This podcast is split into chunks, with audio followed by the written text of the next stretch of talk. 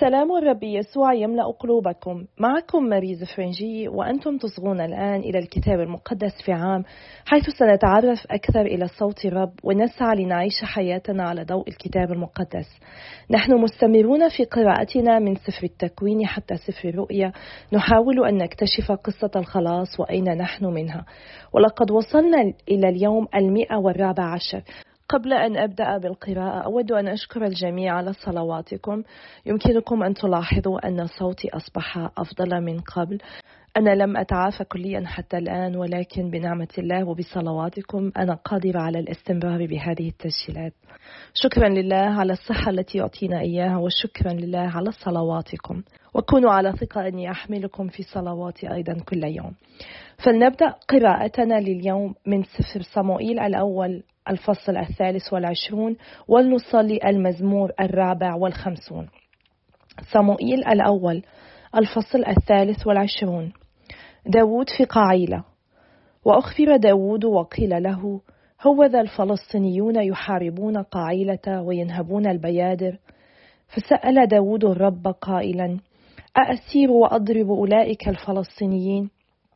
فقال الرب لداود سر فإنك ستضرب الفلسطينيين وتخلص قعيلة فقال لداود رجاله إننا ونحن هنا في يهوذا خائفون فكم بالأحرى إذا ذهبنا إلى قعيلة لمحاربة صفوف الفلسطينيين. فعاد داود وسأل الرب أيضا فأجابه الرب وقال قم فانزل إلى قعيلة فإني أسلم الفلسطينيين إلى يدك. فمضى داود ورجاله إلى قعيلة وحارب الفلسطينيين وساق مواشيهم وضربهم ضربة شديدة وخلص داود أهل قعيلة وكان لما هرب أبياتر بنو أحي مالك إلى داود أنه نزل إلى قعيلة وفي يده أفود. وأخبر شاول بأن داود قد دخل إلى قعيلة فقال شاول قد أسلمه الله إلى يدي لأنه احتبس في مدينة ذات أبواب ومزالج. واستدعى شاول كل الشعب إلى القتال وإلى النزول إلى قاعلة ومحاصرة داود ورجاله. وعرف داود أن شاول قد أضمر له السوء فقال لأبياتر الكاهن هلم بالأفود. وقال داود أيها الرب إله إسرائيل قد بلغ عبدك أن شاول يريد أن يدخل إلى قعيلة ليخرب المدينة بسببي فهل يسلمني أعيان قعيلة إلى يده؟ وهل ينزل شاول كما سمع عبدك؟ أيها الرب إله إسرائيل أخبر عبدك. فقال الرب ينزل. فقال داود وهل يسلمني أعيان قعيلة أنا ورجالي إلى يد شاول؟ فقال الرب يسلمون. فقام داود ورجاله وكانوا نحو ستمائة رجل وخرجوا من قعيلة وهاموا على وجوههم. فأخبر شاول أن داود قد هرب من قعيلة فعدل عن الخروج إلى الحرب. وأقام داود في البرية في الملاجئ ثم أقام في الجبل في برية زيف. وكان شاول يطلبه كل يوم ولكن الله لم يسلمه إلى يده. داود في حبشة زيارة يوناتان. ورأى داود أن شاول قد خرج يطلب نفسه وكان داود في حبشة في برية زيف. فقام يوناتان بنو شاول وأتى إلى داود في حرشة وشدد عزيمته بسم الله وقال له لا تخف لأن يد شاول أبي لن تصيبك وأنت ستملك على إسرائيل وأنا أكون لك ثانيا وشاول أبي أيضا يعلم ذلك. وقطعا كلاهما عهدا أمام الرب ولبث داود في حرشة وانصرف يوناتان إلى بيته. داود يكاد يقع في يد شاول. وصعد الزيفيون إلى شاول في جبعة وقالوا إن داود مختبئ عندنا في الملاجئ التي في حرشة في أكمة الحكيلة جنوبي القفر. فحين أحبت نفسك أيها الملك أن تنزل فانزل وعلينا أن نسلمه إلى يد الملك. فقال شاول مباركون أنتم لدى الرب لأنكم رحمتموني. فانصرفوا وتحققوا أيضا واعلموا وانظروا في أي مكان قدمه ومن الذي أبصره هناك. فقد قيل لي إنه كثير الاحتيال. فانظروا واعلموا بجميع المخابئ التي يختبئ فيها وعودوا إلي باليقين فأسير معكم. وإن كان في تلك الأرض فإني أبحث عنه في جميع ألوف يهوذا. فقاموا وذهبوا إلى زيفا قدام شاول وكان داود ورجاله في برية معون في العربة جنوبي القفر. ومضى شاول ورجاله في الطلب فأخبر داود فنزل إلى الصخرة وأقام في برية معون.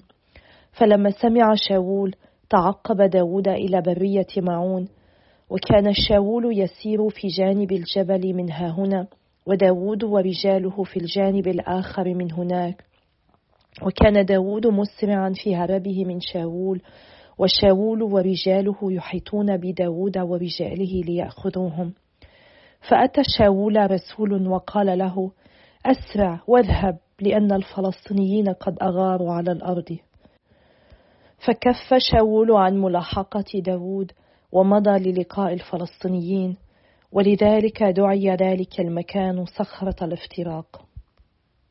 المزمور الرابع والخمسون لإمام الغناء على ذوات الأوتار تعليم لداود عندما أتى الزلفيون وقالوا لشاول ألم يختبئ داود عندنا؟ اللهم باسمك خلصني وبجبروتك أنصفني. اللهم استمع لصلاتي وأصغي إلى أقوال فمي.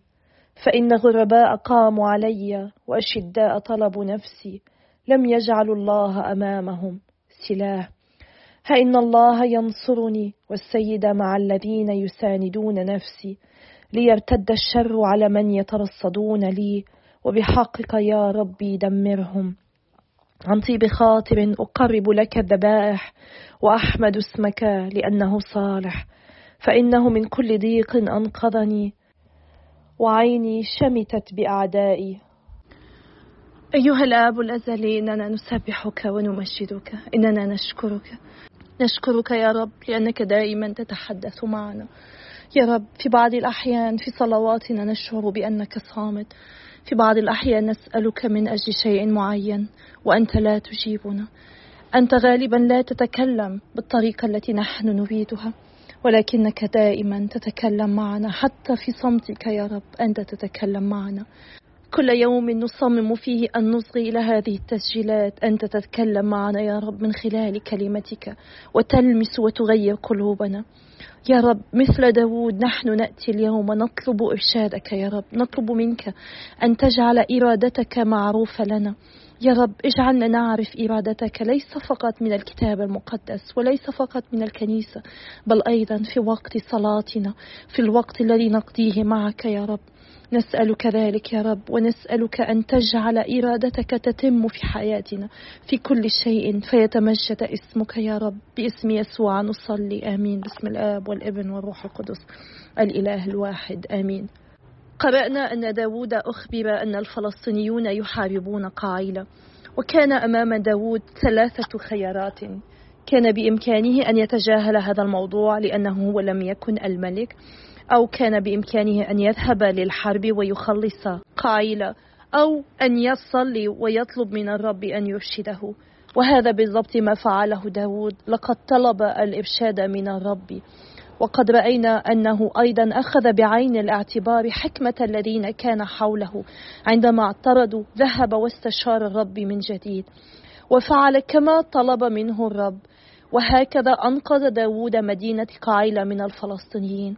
وعلينا أن نتعلم نحن أن نلجأ دائما إلى الكتاب المقدس إلى تعاليم الكنيسة إلى كلمة الله حتى نميز مسارا للعمل حتى ندرك ماذا علينا أن نفعل حتى نستطيع أن نتمم إرادة الله. وعلينا أن نأخذ بعين الاعتبار حكمة الذين حولنا لأن الرب أيضا يستطيع أن يتكلم من خلالهم أيضا. ونرى هنا في مثل داود مثلا رائعا لكل القادة. القادة في الماضي لم يكونوا يستشيرون الرب عندما تصل إليهم معلومات جديدة. ها إننا نرى داود يأخذ رأي الخبراء من حوله ولكنه يرضخ لما يطلب منه الله أو يرضخ لتوجيه الله ويتمم إرادة الله. علينا أن نحرص أن نسأل الله ونطلب بركته قبل أي عمل نقوم به. حتى يقود حياتنا ونعيش مطمئنين. وهكذا لا ننزعج عندما تقابلنا ضيقات لأننا ندرك أن الرب هو يسمح بذلك وهو يجعلنا نتغلب على كل هذه المصاعب وننجح في كل شيء. من خلال ما فعله داود نستطيع أن نفهم الكثير عن قلبه. إنه يظهر لنا أنه حقا رجلا وفق قلب الله من خلال مناشدته الرب ليطلب توجيهه. وعلينا نحن أيضا أن نكون حسب قلب الله أن نطلب من الروح القدس المشورة في كل ما نفعله وهكذا نتمم إرادة الله وليس إرادتنا. قرأنا أيضا أن داود كاد يقع في يد شاول بسبب الزفيين الذين أخبروه بحضور داود بينهم. فأخذ شاول جيشه وقد تواجد على جانب واحد من التل وكان داود وجيشه على الجانب الآخر. هنا نرى كيف أن الله يتصرف حتى عندما لا ندرك ذلك.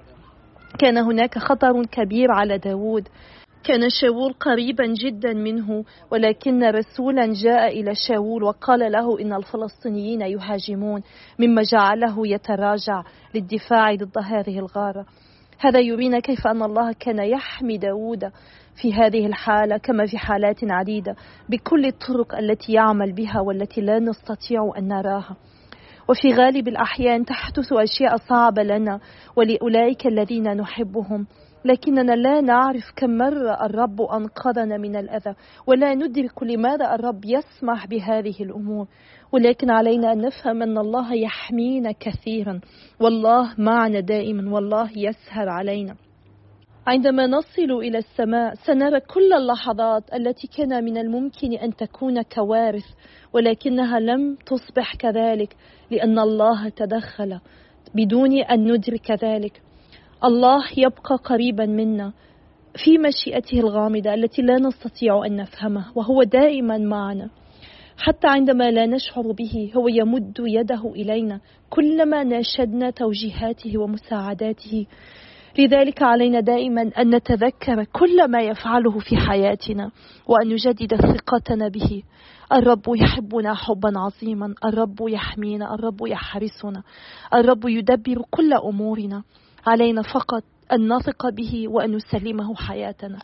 فلنستمر بالصلاة من أجل بعضنا البعض حتى نثابر ونجاهد في هذه المسيرة مع الكتاب المقدس وننمو بالثقة بالله مع كل يوم. هو يستحق ثقتنا هو أثبت ذلك. وأنا أدعوكم اليوم للتأمل ببعض الاختبارات التي مريتم بها وتساءلتم لماذا سمح الله بها وربما غضبتم وشعرتم بأنه ترككم. ولكنكم لاحقا رأيتم يده المحبة كانت ترافقكم في كل ذلك. ورأيتم كيف أنه دبر كل الأمور لخيركم للأفضل لكم. نعم هذه اللحظات أو الاختبارات كثيرة في حياتنا ولكننا غالبا ما ننساها. علينا أن نتذكرها لنتذكر أن الرب يستحق ثقتنا. وأنا أتشكر الجميع على صلواتكم وتشجيعاتكم وكونوا على ثقة أني أحملكم بصلواتي كل يوم وأنا بأمس الحاجة لصلواتكم وإلى اللقاء غدا يوم آخر إن شاء الله.